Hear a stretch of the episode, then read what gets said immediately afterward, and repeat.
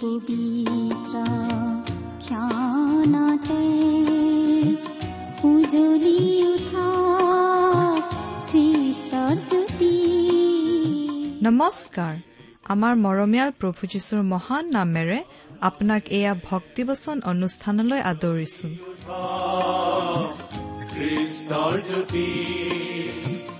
আকাশ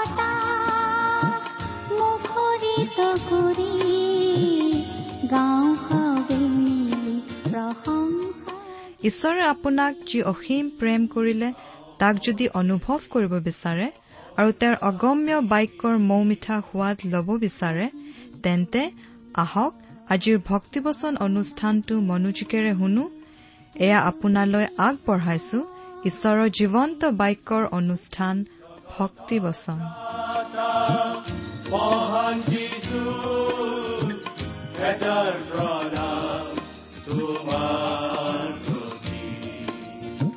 গ্ৰহণ কৰাই ভক্তি বচন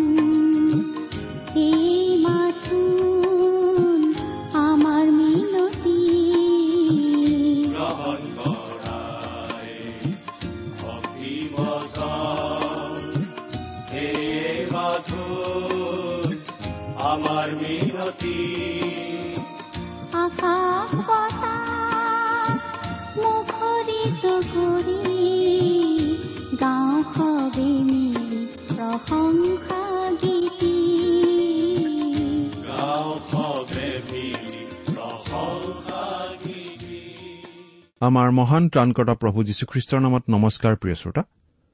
আশা কৰো আপুনি ভালে কুশলে আছে। লগতে এই বুলি আশা কৰিছো যে আপুনি আমাৰ এই ভক্তিবচন অনুষ্ঠানটো নিয়মিতভাৱে শুনি আছে। এই অনুষ্ঠান শুনি আপুনি কেনে পাইছে বাৰু?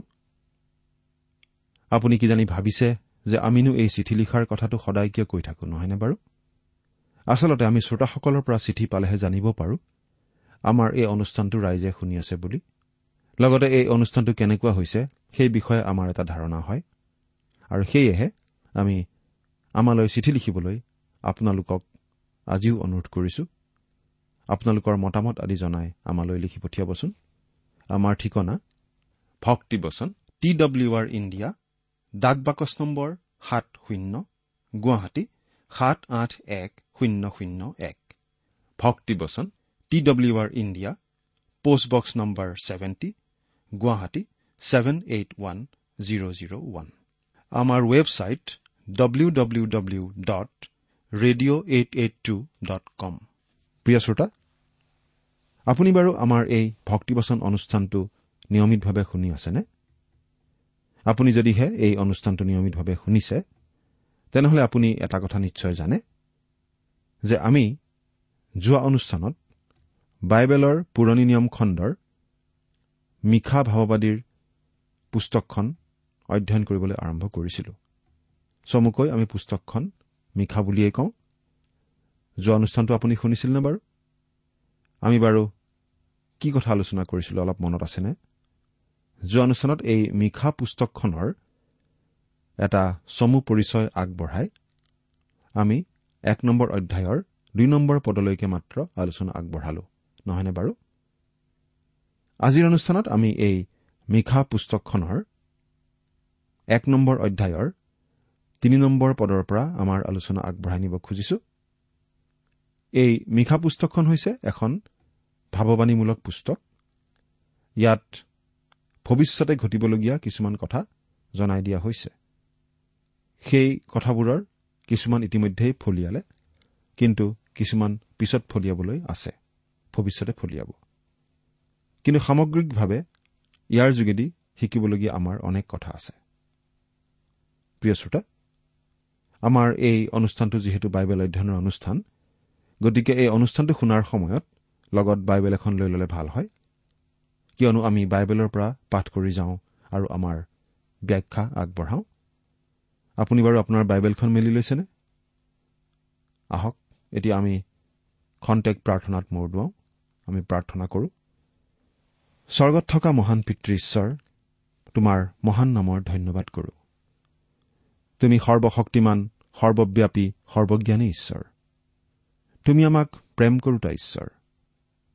তুমি আমাক ইমানেই প্ৰেম কৰিলা যে আমাক উদ্ধাৰ কৰিবলৈ তোমাৰ একেজাত পুত্ৰ যীশুখ্ৰীষ্টকে আমালৈ দান কৰিলা।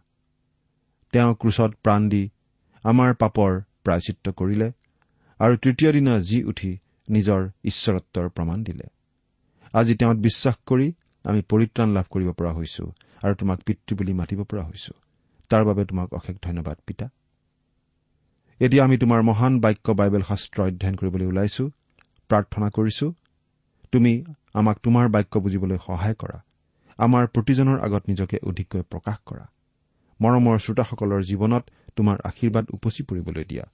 কিয়নো এই প্ৰাৰ্থনা আমাৰ পাপৰ প্ৰাচিত্য কৰিবলৈ ক্ৰুচত প্ৰাণ দি তৃতীয় দিনা পুনৰ জি উঠি এতিয়া স্বৰ্গত আমাৰ বাবে নিবেদন কৰি থকা ত্ৰাণকৰ্তা প্ৰভু যীশুখ্ৰীষ্টৰ নামত আগবঢ়াইছো। প্ৰিয় শ্ৰোতা মিশা ভাৱবাদীয়ে পৃথিৱীৰ সকলো লোককে সম্বোধন কৰি কৈ থকা কথা আমি এতিয়া চাব খুজিছো। পাঠ কৰি দিম মিশা ভাৱবাদীৰ পুস্তকৰ এক নম্বৰ অধ্যায়ৰ তিনি নম্বৰ পদ।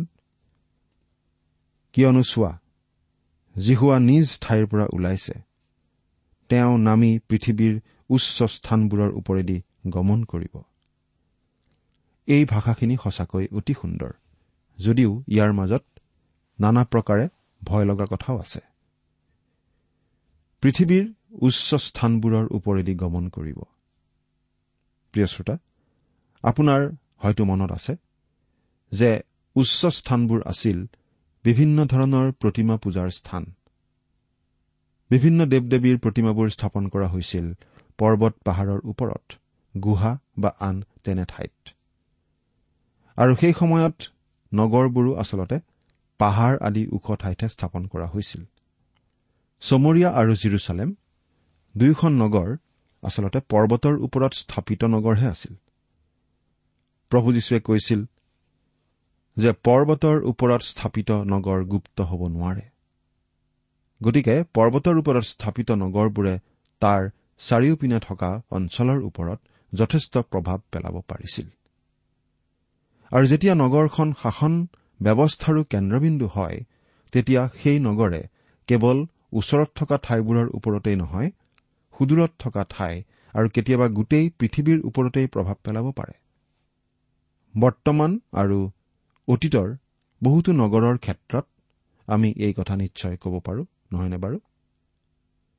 লগতে নগৰবিলাক আছিল পাপৰো কেন্দ্ৰস্বৰূপ। আৰু সেইকাৰণেই ঈশ্বৰে সেই নগৰবোৰৰ ওপৰলৈ নামি আহিব। সেইবোৰৰ ওপৰত শাস্তি বিহিবৰ কাৰণে। ইয়াত কোৱা হৈছে তেওঁ নামি আহি পৃথিৱীৰ উচ্চ স্থানবোৰৰ ওপৰেদি গমন কৰিব। তাৰপিছত আমি এনেদৰে পাওঁ চাৰি নম্বৰ পদত। যেনেকৈ জুইৰ তাপত মম পমি যায় আৰু গঢ়া ঠাইত পানী ঢালিলে যেনেকৈ মাটি খানি নিয়ে তেনেকৈ তেওঁৰ ভৰিৰ তলত পৰ্বতবোৰ পমি যাব আৰু উপত্যকাবোৰ খানি নিয়া হ'ব। তেওঁৰ ভৰিৰ তলত পৰ্বতবোৰ পমি যাব আৰু উপত্যকাবোৰ খানি নিয়া হ'ব। এইটো নিঃসন্দেহে আগ্নেয়গিৰি উদগিৰণ আৰু তাৰ সৈতে জড়িত ঘটনাৰ এখন ছবি বুলি আমি ক'ব পাৰোঁ। আমি বিচাৰকৰ্তা পুস্তকৰ পৰা একেবাৰে হবকুক পুস্তক পৰ্যন্ত আচলতে এই একেধৰণৰ ভাষাটোৱেই পাওঁ। উদাহৰণস্বৰূপে গীতমালা ওঠৰ নম্বৰ গীতৰ সাত নম্বৰ পদৰ পৰা একেবাৰে দহ নম্বৰ পদলৈকে আমি যদি পঢ়ো কেনেকুৱা লাগিব চাওকচোন? তেতিয়া পৃথিৱী কপিল জোকাৰ খালে আৰু পৰ্বতবোৰৰ মূলবোৰ জোকাৰ খাই লৰিল। কিয়নো তেওঁৰ ক্ৰোধ জ্বলি উঠিল। তেওঁৰ নাকৰ পৰা ধোঁৱা ওলাই ওপৰলৈ গ'ল। তেওঁৰ মুখৰ পৰা ওলোৱা অগ্নিয়ে গ্ৰাস কৰিলে। তাৰ পৰা জ্বলি থকা আঙঠা ওলাই জ্বলি থাকিল। তেতিয়া তেওঁ আকাশক দোৱাই নামিল। তেওঁৰ চৰণৰ তলত ঘূৰ অন্ধকাৰ আছিল। তেওঁ কৰূবত উঠি উৰি আহিল। এনেকি বায়ুৰূপ দেউকাৰে উৰা মাৰি শীঘ্ৰে আহিল। যদিও এই বৰ্ণনাখিনি যথেষ্ট প্ৰতীকধৰ্মী কিন্তু আচলতে যি ঘটিছিল তাৰ প্ৰকৃত সঠিক আৰু অতি চমকপ্ৰদ বিৱৰণী। এই কথাৰ পৰাই প্ৰশ্ন উঠে কোনে বাৰু বতৰ আৰু প্ৰাকৃতিক শক্তিবোৰ নিয়ন্ত্ৰণ কৰে? তাৰ উত্তৰত আমি কওঁ যে ঈশ্বৰেই প্ৰকৃতি ভূমিকম্প আগ্নেয়গিৰি বতৰ আদি নিয়ন্ত্ৰণ কৰে।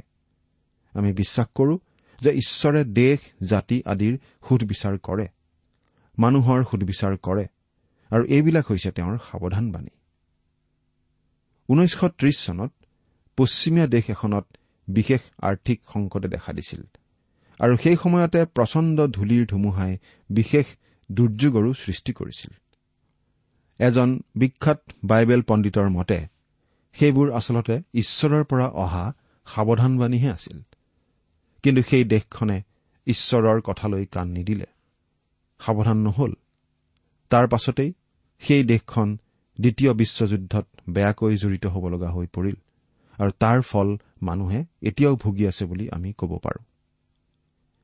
ঈশ্বৰে এতিয়াও এই বিশ্বজগতৰ ঘটনা বুলি আচলতে নিয়ন্ত্ৰণ কৰি থাকে।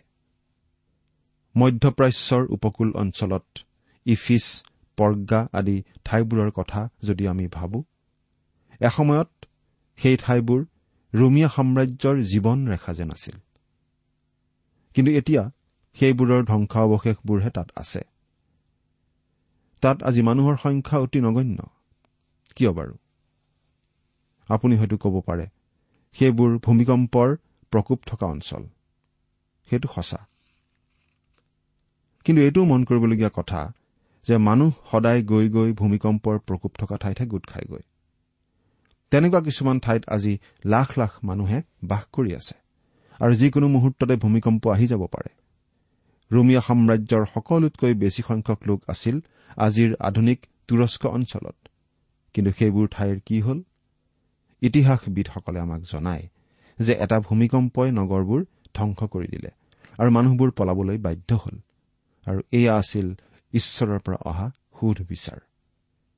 ঈশ্বৰে ইয়াত পৰিষ্কাৰভাৱে জনাই দিছে তেওঁ কৰা সুদবিচাৰ আৰু দণ্ডৰ কথা।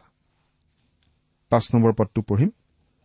মিখা এক নম্বৰ অধ্যায়ৰ পাঁচ নম্বৰ পদ।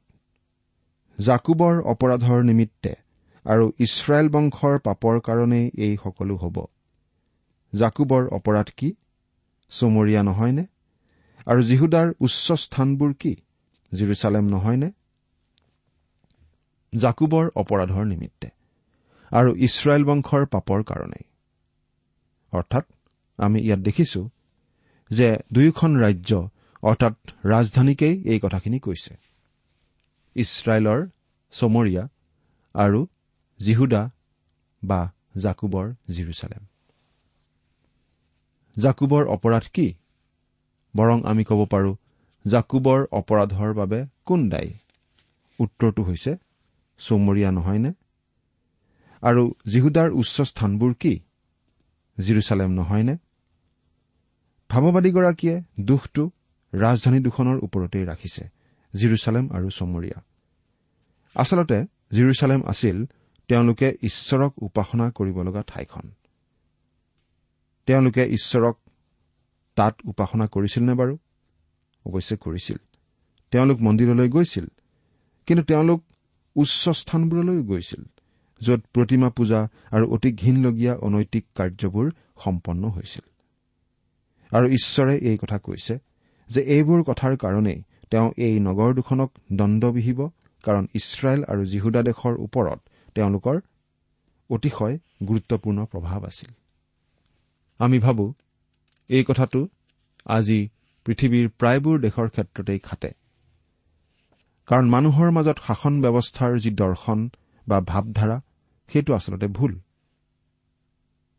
আমি আগতেও কৈছো যে আচলতে শাসন ব্যৱস্থাটোত ভুল নাই।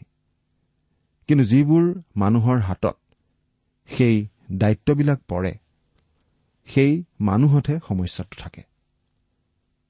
ঈশ্বৰ বিশ্বাসহীন একনায়কত্ববাদী শাসক এজন আৰু ঈশ্বৰ বিশ্বাসহীন ৰাইজৰ প্ৰতিনিধি এজনৰ মাজত বৰ বিশেষ কিবা পাৰ্থক্য আছে বুলি আমি আচলতে ক'ব নোৱাৰো।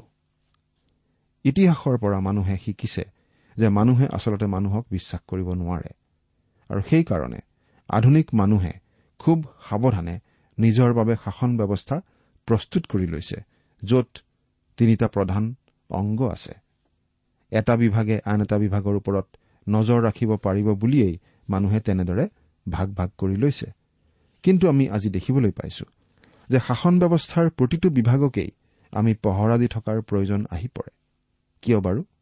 কাৰণ যিকোনো শাসন ব্যৱস্থা উচিতভাৱে চলিবলৈ হলে উচিত মানুহৰ হাতত দায়িত্ব ন্যস্ত হ'ব লাগিব। মিখাৰ দিনত সমস্যাটো এয়ে আছিল যে চমৰীয়া আৰু জিৰচালেম দুৰ্নীতিগ্ৰস্ত হৈ পৰিছিল। আৰু ঈশ্বৰে সেই নগৰ দুখনলৈ দণ্ড পঠিয়াব বুলি কৈছে। বৰ্তমান পৃথিৱীৰ ভিতৰতেই অতি শক্তিশালী পশ্চিমীয়া দেশ এখনৰ ক্ষেত্ৰত আমি বাৰু কি ক'ব পাৰোঁ? আমি ভাবো যে সেই দেশখনৰ অধোগতি আৰম্ভ হৈ গৈছে। শেষকালৰ বিষয়ে যি ভাৱবাণী আমি পাওঁ তাত সেই দেশখনৰ বিষয়ে আচলতে একো উল্লেখেই নাই। সম্ভৱতঃ দুটা কাৰণত। হয়তো সেই সময়লৈকে সেই দেশখন নিশ্চিহ্ন হৈ যাব নাইবা দেশখন হয়তো এতিয়াৰ নিচিনা বিশ্বশক্তি হৈ নাথাকিব। দ্বিতীয় বিশ্বযুদ্ধৰ পাছত গোটেই পৃথিৱীকে নেতৃত্ব দিয়াৰ বাবে সোণালী সুযোগ সেই দেশখনলৈ আহিছিল। কিন্তু তেওঁলোকে পৃথিৱীক দিলে কি? তেওঁলোকে পৃথিৱীক দিলে ৰক সংগীত হিপ্পী নতুন নৈতিকতা আমোদ প্ৰমোদ ধন সম্পত্তিৰ প্ৰতি হাবিয়াস ইত্যাদি। আৰু সেই দেশ আজি অধোপথে গৈ আছে অধপতনৰ মুখত পৰিছে। সেই কথাত যিকোনো দেশপ্ৰেমিক মানুহৰে নিশ্চয় বেয়া লাগিব। ঈশ্বৰ বিশ্বাসহীন লোকসকলৰ হাতত পৰি দেশ এখন ধ্বংসমুখী হোৱা দেখিলে নিশ্চয় বেয়া লাগিব। মিশা ভাৱবাদীয়ে আচলতে ঈশ্বৰৰ নিয়ন্ত্ৰণাধীন শাসন ব্যৱস্থাৰ সপক্ষে মত ব্যক্ত কৰা আমি ইয়াত দেখিবলৈ পাইছো। জগতৰ শাসন ব্যৱস্থাৰ বাবে ঈশ্বৰৰ দৰ্শন আচলতে এয়েই। আমি এতিয়া প্ৰথমটো চমকপ্ৰদ উক্তি পাইছো। আৰু ই সকলোতকৈ দীঘল উক্তি। এই উক্তিটো অধ্যায়টোৰ শেষলৈকে চলি থাকিব। ছয় নম্বৰ পদৰ পৰা একেবাৰে ষোল্ল নম্বৰ পদলৈকে আমি এই উক্তিটো পাম। শেষকালত যি ভয়াৱহ ধ্বংসলীলা হ'ব তাৰ আচলতে ই এটা চমু বিৱৰণীৰ নিচিনা। শেষকালৰ বিষয়ত আমি ঈশ্বৰৰ পৰা অহা সোধ বিচাৰ দণ্ডৰ কথাটোলৈ আকৌ ঘূৰি আহিম। আৰু সেই বিষয়ে আমি মিশা ভাৱবাদীৰ পুস্তকৰ চাৰি নম্বৰ অধ্যায়তেই পাম। কিন্তু ইয়াত অৰ্থাৎ মিশা ভাৱবাদীৰ পুস্তকৰ প্ৰথম অধ্যায়ত এটা স্থানীয় পৰিস্থিতিৰ কথা আমি পাইছো। ওচৰীয়াবিলাকে চমৰীয়া যে ধ্বংস কৰিবহি সেই কথাটো আমি পাই আছো। আজি যদি আপুনি চমৰীয়াৰ ফটো দেখিলেহেঁতেন এসময়ত এইখন অতি সুন্দৰ নগৰ আছিল অতি প্ৰভাৱশালী আৰু সংস্কৃতিৰ কেন্দ্ৰস্থল স্বৰূপ নগৰ আছিল। অতি প্ৰতিশ্ৰুতিসম্পন্ন নগৰ আছিল। কিন্তু আজি ছাই আৰু ধূলিৰ স্তূপ মাত্ৰ। পদ। এই হেতুকে মই চমৰীয়াক শিলৰ দম থকা পথাৰ আৰু দ্ৰাক্ষাবাৰীৰ গছ ৰোৱা ঠাই কৰিম। মই সেই নগৰীৰ শিলবোৰ উপত্যকালৈ বগৰাই পেলাম আৰু তাইৰ ভিত্তিমূল অনাবৃত কৰিম। মই চমৰীয়াক শিলৰ দম থকা পথাৰ আৰু দ্ৰাক্ষাবাৰীৰ গছ ৰোৱা ঠাই কৰিম। আৰু আজি ঠিক তেনেকুৱাই ঘটিছে। চমৰীয়াৰ সেই ধ্বংসস্তূপৰ কোনো কোনো অঞ্চলত আজি তাৰ বাসিন্দাই দ্ৰাক্ষাবাৰী মাথোন পাতিছে। কিছুমান ঠাইত ফল মূলৰ বাগিচা পতা হৈছে। অ'ত ত'ত বেলেগ বেলেগ ধৰণৰ গছ ৰোৱা হৈছে। সেই নগৰীৰ শিলবোৰ উপত্যকালৈ বগৰাই পেলাম। এজন ব্যক্তিয়ে লিখিছে মই চমৰীয়াৰ সৰ্বোচ্চ স্থান এক্ৰপলিছত থিয় হৈ অতি থিয় গড়াৰে তললৈ চাইছো। তলত কি আছে জানেনে? বিভিন্ন ধৰণৰ স্তম্ভ আৰু শিল আছে যিবোৰ এসময়ত শিল কাটি কাটি খুদাই কৰি কৰি উলিওৱা হৈছিল আৰু ঘৰ অট্টালিকা আদি নিৰ্মাণ কৰাত নিশ্চয় ব্যৱহৃত হৈছিল। সেইবোৰ ওপৰৰ পৰা বগৰাই তলত থকা উপত্যকালৈ পেলাই দিয়া হৈছিল। অৰ্থাৎ সেই নগৰীৰ শিলবোৰ উপত্যকালৈ বগৰাই পেলাম বুলি কোৱা সেই কথা আখৰে আখৰে ফলিওৱা আমি ইয়াত দেখিছো। আৰু তাইৰ ভিত্তিমূল অনাবৃত কৰিম। আহব আৰু ইজেবলৰ দিনৰ সেই ভিত্তিমূলবোৰৰ ছবি আজি যদি আপুনি দেখিলেহেঁতেন। তাৰ পাছত ৰমিয়াবিলাকে সজা ঘৰ আদিৰ ভিত্তিমূলবোৰো আজি যদি আমি চাবলৈ পাৰিলোহেঁতেন। ঈশ্বৰে সেই সকলোবোৰ অনাবৃত কৰিলে আৰু সেইবোৰ আজি ধ্বংসপ্ৰাপ্ত অৱস্থাত আছে। সেই ভিত্তিমূলবোৰৰ পৰা এই কথা বুজা যায় যে এসময়ত তাত এখন প্ৰকাণ্ড নগৰ আছিল। কিন্তু সেই নগৰ কেতিয়াবাই ধ্বংস হৈ গ'ল। ঈশ্বৰে কৰা ভৱিষ্যৎবাণী অনুসাৰে। সাত নম্বৰ পদ। আৰু তাইৰ আটাই কটা মূৰ্তিবোৰ ভাঙি দুখৰ দুখৰ কৰা যাব। বেচ স্বৰূপে পোৱা তাইৰ আটাই বস্তু জুইৰে পোৰা যাব। আৰু তাইৰ আটাই প্ৰতিমাবোৰ মই উচ্ছন্ন কৰিম। কিয়নো তাই বেশ্যাৰ বেচ স্বৰূপে সেইবোৰ গোটালে আৰু সেইবোৰ পুনৰাই বেশ্যাৰ বেচ হৈ যাব। আৰু তাইৰ আটাই কটা মূৰ্তিবোৰ ভাঙি দুখৰ দুখৰ কৰা যাব। এবাৰ এজন লোকে চমৰীয়া ঠাইখন চাবলৈ যাওঁতে গাইডজনক সুধিছিল ইয়াত কৰবাত কিবা মূৰ্তি আছেনে? তেতিয়া গাইডজনে উত্তৰ দিছিল কতো নাই। এসময়ত প্ৰতিমা পূজা চলিছিল যদিও এতিয়া কতো নাই। আমি এই কথা আকৌ মনত পেলাই দিব খুজিছো। যে ইতিমধ্যে উল্লেখ কৰা উচ্চ স্থানবোৰতে আছিল বিভিন্ন প্ৰতিমা পূজাৰ ব্যৱস্থাবোৰ বিভিন্ন প্ৰতিমাবোৰ। আৰু অতি ঘীনলগীয়া ধৰণৰ উপাসনাৰ কাৰ্য তাত চলিছিল। উদাহৰণস্বৰূপে মলেক দেৱতাৰ উপাসনাত সেই দেৱতাৰ প্ৰতিমাটো এটা ৰঙা লোহাৰ গৰম চৌকাৰ নিচিনা আছিল। আৰু তাতে সঁচা সঁচিকৈ সৰু ল'ৰা ছোৱালীক বলি হিচাপে আগবঢ়োৱা হৈছিল। অতি ভয়াৱহ কথা। সেই ধৰণৰ প্ৰতিমা পূজাৰ নামত অতি নিম্ন খাপৰ অনৈতিক কাম কাজ তাত কৰা হৈছিল। আন কথাত কবলৈ গ'লে ধৰ্ম ব্যৱস্থা আৰু অবৈধ যৌন সম্ভোগ একে বস্তু যেন হৈ পৰিছিল। আজি অৱশ্যে এনেধৰণৰ অনৈতিক কাৰ্যকলাপ ছয়তান উপাসনা আদিৰ যোগেদি গোটেই পৃথিৱীতে বিয়পি পৰিব ধৰিছে। বেচস্বৰূপে পোৱা তাইৰ আটাই বস্তু জুইৰে পোৰা যাব। ইয়াত বেচস্বৰূপে পোৱা বস্তু মানে পৰজাতীয় দেৱ দেৱীৰ মন্দিৰত আগবঢ়োৱা বহুমূলীয়া পাত্ৰ আদিৰ কথা বুজোৱা হৈছে। পুৰাতত্ববিদসকলে খনন কাৰ্য চলাই তাত ভগ্নাৱশেষৰ মাজত কিছুমান সৰু সৰু হাতীদাঁতৰ পাত্ৰ আৱিষ্কাৰ কৰিছে আৰু সেইবোৰত সুগন্ধি দ্ৰব্য ৰখা হৈছিল আৰু ডাঙৰ ডাঙৰ কিছুমানত সুৰা ৰখা হৈছিল বুলি অনুমান কৰিছে। তাত তেনেধৰণৰ খনন কাৰ্য যথেষ্ট চলোৱা হৈছে। তাই বেশ্যাৰ বেচস্বৰূপে সেইবোৰ গোটালে আৰু সেইবোৰ পুনৰাই বেশ্যাৰ বেচ হৈ যাব। এই প্ৰতিমা পূজাৰ বিভিন্ন ৰীতি নীতিৰ ভিতৰত যৌন কাৰ্য এটা মূল বিষয় যেন আছিল। উদাহৰণস্বৰূপে কৰিণ্ঠত এক্ৰপলিছত এফ্ৰডাইট দেৱীৰ উপাসনা স্থানত হাজাৰগৰাকী কুমাৰী আছিল। সেইবোৰ আচলতে বেশ্যাবৃত্তি কৰা নাৰীহে আছিল। যৌনতা সেই ধৰ্মৰ এটা অংগ আছিল। সেই উপাসনা স্থানবোৰলৈ গ'লে মানুহে বেচ দিব লাগিছিল। মন্দিৰৰ ভিতৰতেই হওক বা বাহিৰতেই হওক। সেইবোৰ আচলতে বেশ্যালয়ৰ নিচিনা আছিল। সেইবোৰ ধৰ্মৰ নামত কৰা হৈছিল। সেইবোৰ ফিনিকিয়াবিলাকৰ ক্ষেত্ৰত সঁচা আছিল। পলেষ্টিয়াবিলাকৰ ক্ষেত্ৰতো তেনে নিয়ম আছিল আৰু ইছৰাইলে তেওঁলোকৰ ধৰ্ম ব্যৱস্থাই আঁকোৱালি লৈছিল। আজিকালিৰ চিন্তা ভাৱনাবোৰো আকৌ সেই অতীতলৈ উভতি গৈছে। আজিৰ নতুন নৈতিকতা তাহানিৰ সেই যৌন ব্যবিচাৰৰ সমানেই পুৰণি। কিন্তু আমি ধৰ্মৰ কথা নকওঁ। আজি আমি এজন ব্যক্তিৰ কথাহে ক'ব খুজিছো। খ্ৰীষ্টীয় বিশ্বাসটো আচলতে ধৰ্ম নহয় এজন ব্যক্তি। তেওঁ হৈছে প্ৰভু যীশুখ্ৰীষ্ট। প্ৰভু যীশুৱে স্পষ্টভাৱে এইদৰে কৈছে জোহনে লিখা শুভবাৰ্তা আঠ নম্বৰ অধ্যায়ৰ ছয়ত্ৰিশ নম্বৰ পদত এইকাৰণে পুত্ৰই যদি তোমালোকক মুক্ত কৰে তেন্তে তোমালোক নিশ্চয় মুক্ত হবা। তেওঁই আপোনাক পাপ কাৰ্যৰ পৰা ধৰ্মৰ ভুৱা বন্ধনৰ পৰা মুক্ত কৰিব পাৰে। ইয়াত মিশা ভাৱবাদীয়ে জনাইছে বেশ্যাবৃত্তিৰে আহৰণ কৰা সকলো বস্তু আকৌ কাঢ়ি লৈ যোৱা হ'ব আৰু সেইবোৰ আকৌ পাপতেই ব্যৱহৃত হ'ব। তাৰে কিছুমান সা সৰঞ্জাম পাছত ৰমীয়াসকলৰ দিনত আকৌ ব্যৱহৃত হৈছিল বুলি জানিব পৰা যায়। হেৰুদ্ৰজাই সেই নগৰখন পুনৰ নিৰ্মাণ কৰিছিল। সেই ঠাই তেওঁ ভাল পাইছিল। ঠাইখন থাকিবৰ বাবে খুব সুন্দৰ আছিল।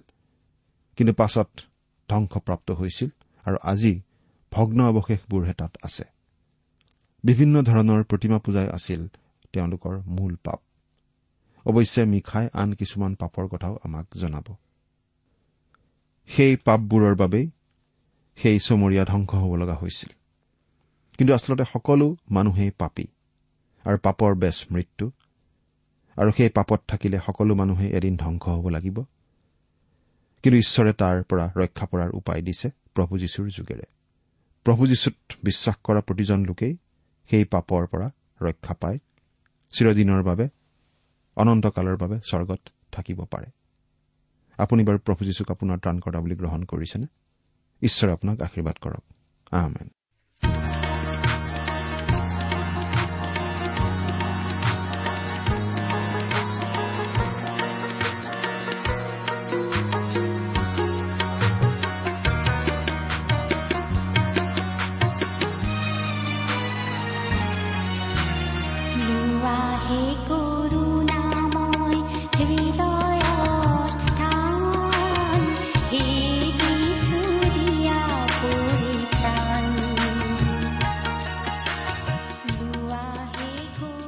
ইমান পৰে আপুনি ভক্তিবচন অনুষ্ঠানটি শুনিলে। এই বিষয়ে আপোনাৰ মতামত জানিবলৈ পালে আমি নথৈ আনন্দিত হ'ম। আমি প্ৰস্তুত কৰা বাইবেল অধ্যয়নৰ আন চিডিসমূহ পাব বিচাৰিলেও আমালৈ লিখক। অনুষ্ঠানটি শুনি কেনে পালে আমালৈ চিঠি লিখি জনাবচোন? অনুষ্ঠানত প্ৰচাৰ কৰা কোনো কথা বুজিব লগা থাকিলেও আমালৈ লিখক। আমাৰ ঠিকনা? ভক্তিবচন ট্ৰান্স ৱৰ্ল্ড ৰেডিঅ' ইণ্ডিয়া ডাক বাকচ নম্বৰ সাত শূন্য গুৱাহাটী সাত আঠ এক শূন্য শূন্য এক। ঠিকনাটো আৰু এবাৰ কৈছো। ভক্তিবচন ট্ৰান্স ৱৰ্ল্ড ৰেডিঅ' ইণ্ডিয়া ডাক বাকচ নম্বৰ সাত শূন্য গুৱাহাটী সাত আঠ এক শূন্য শূন্য এক। আমাৰ ইমেইল এড্ৰেছটো হৈছে S T T B at the rate radio' eight eight two dot com. আমাৰ website W W W dot T W R dot in. আপুনি টেলিফোনৰ মাধ্যমেৰেও আমাক যোগাযোগ কৰিব পাৰে। আমাৰ টেলিফোন নম্বৰটো হৈছে শূন্য তিনি ছয় এক দুই ছয় শূন্য চাৰি ছয় সাত এক। ফোন নম্বৰটো আকৌ এবাৰ কৈছো zero' three six one two six zero' four six seven one. আজিৰ অনুষ্ঠানটি ইমানতে সামৰিছো। ঈশ্বৰৰ শান্তি আৰু অনুগ্ৰহ আপোনাৰ লগত থাকক। ধন্যবাদ।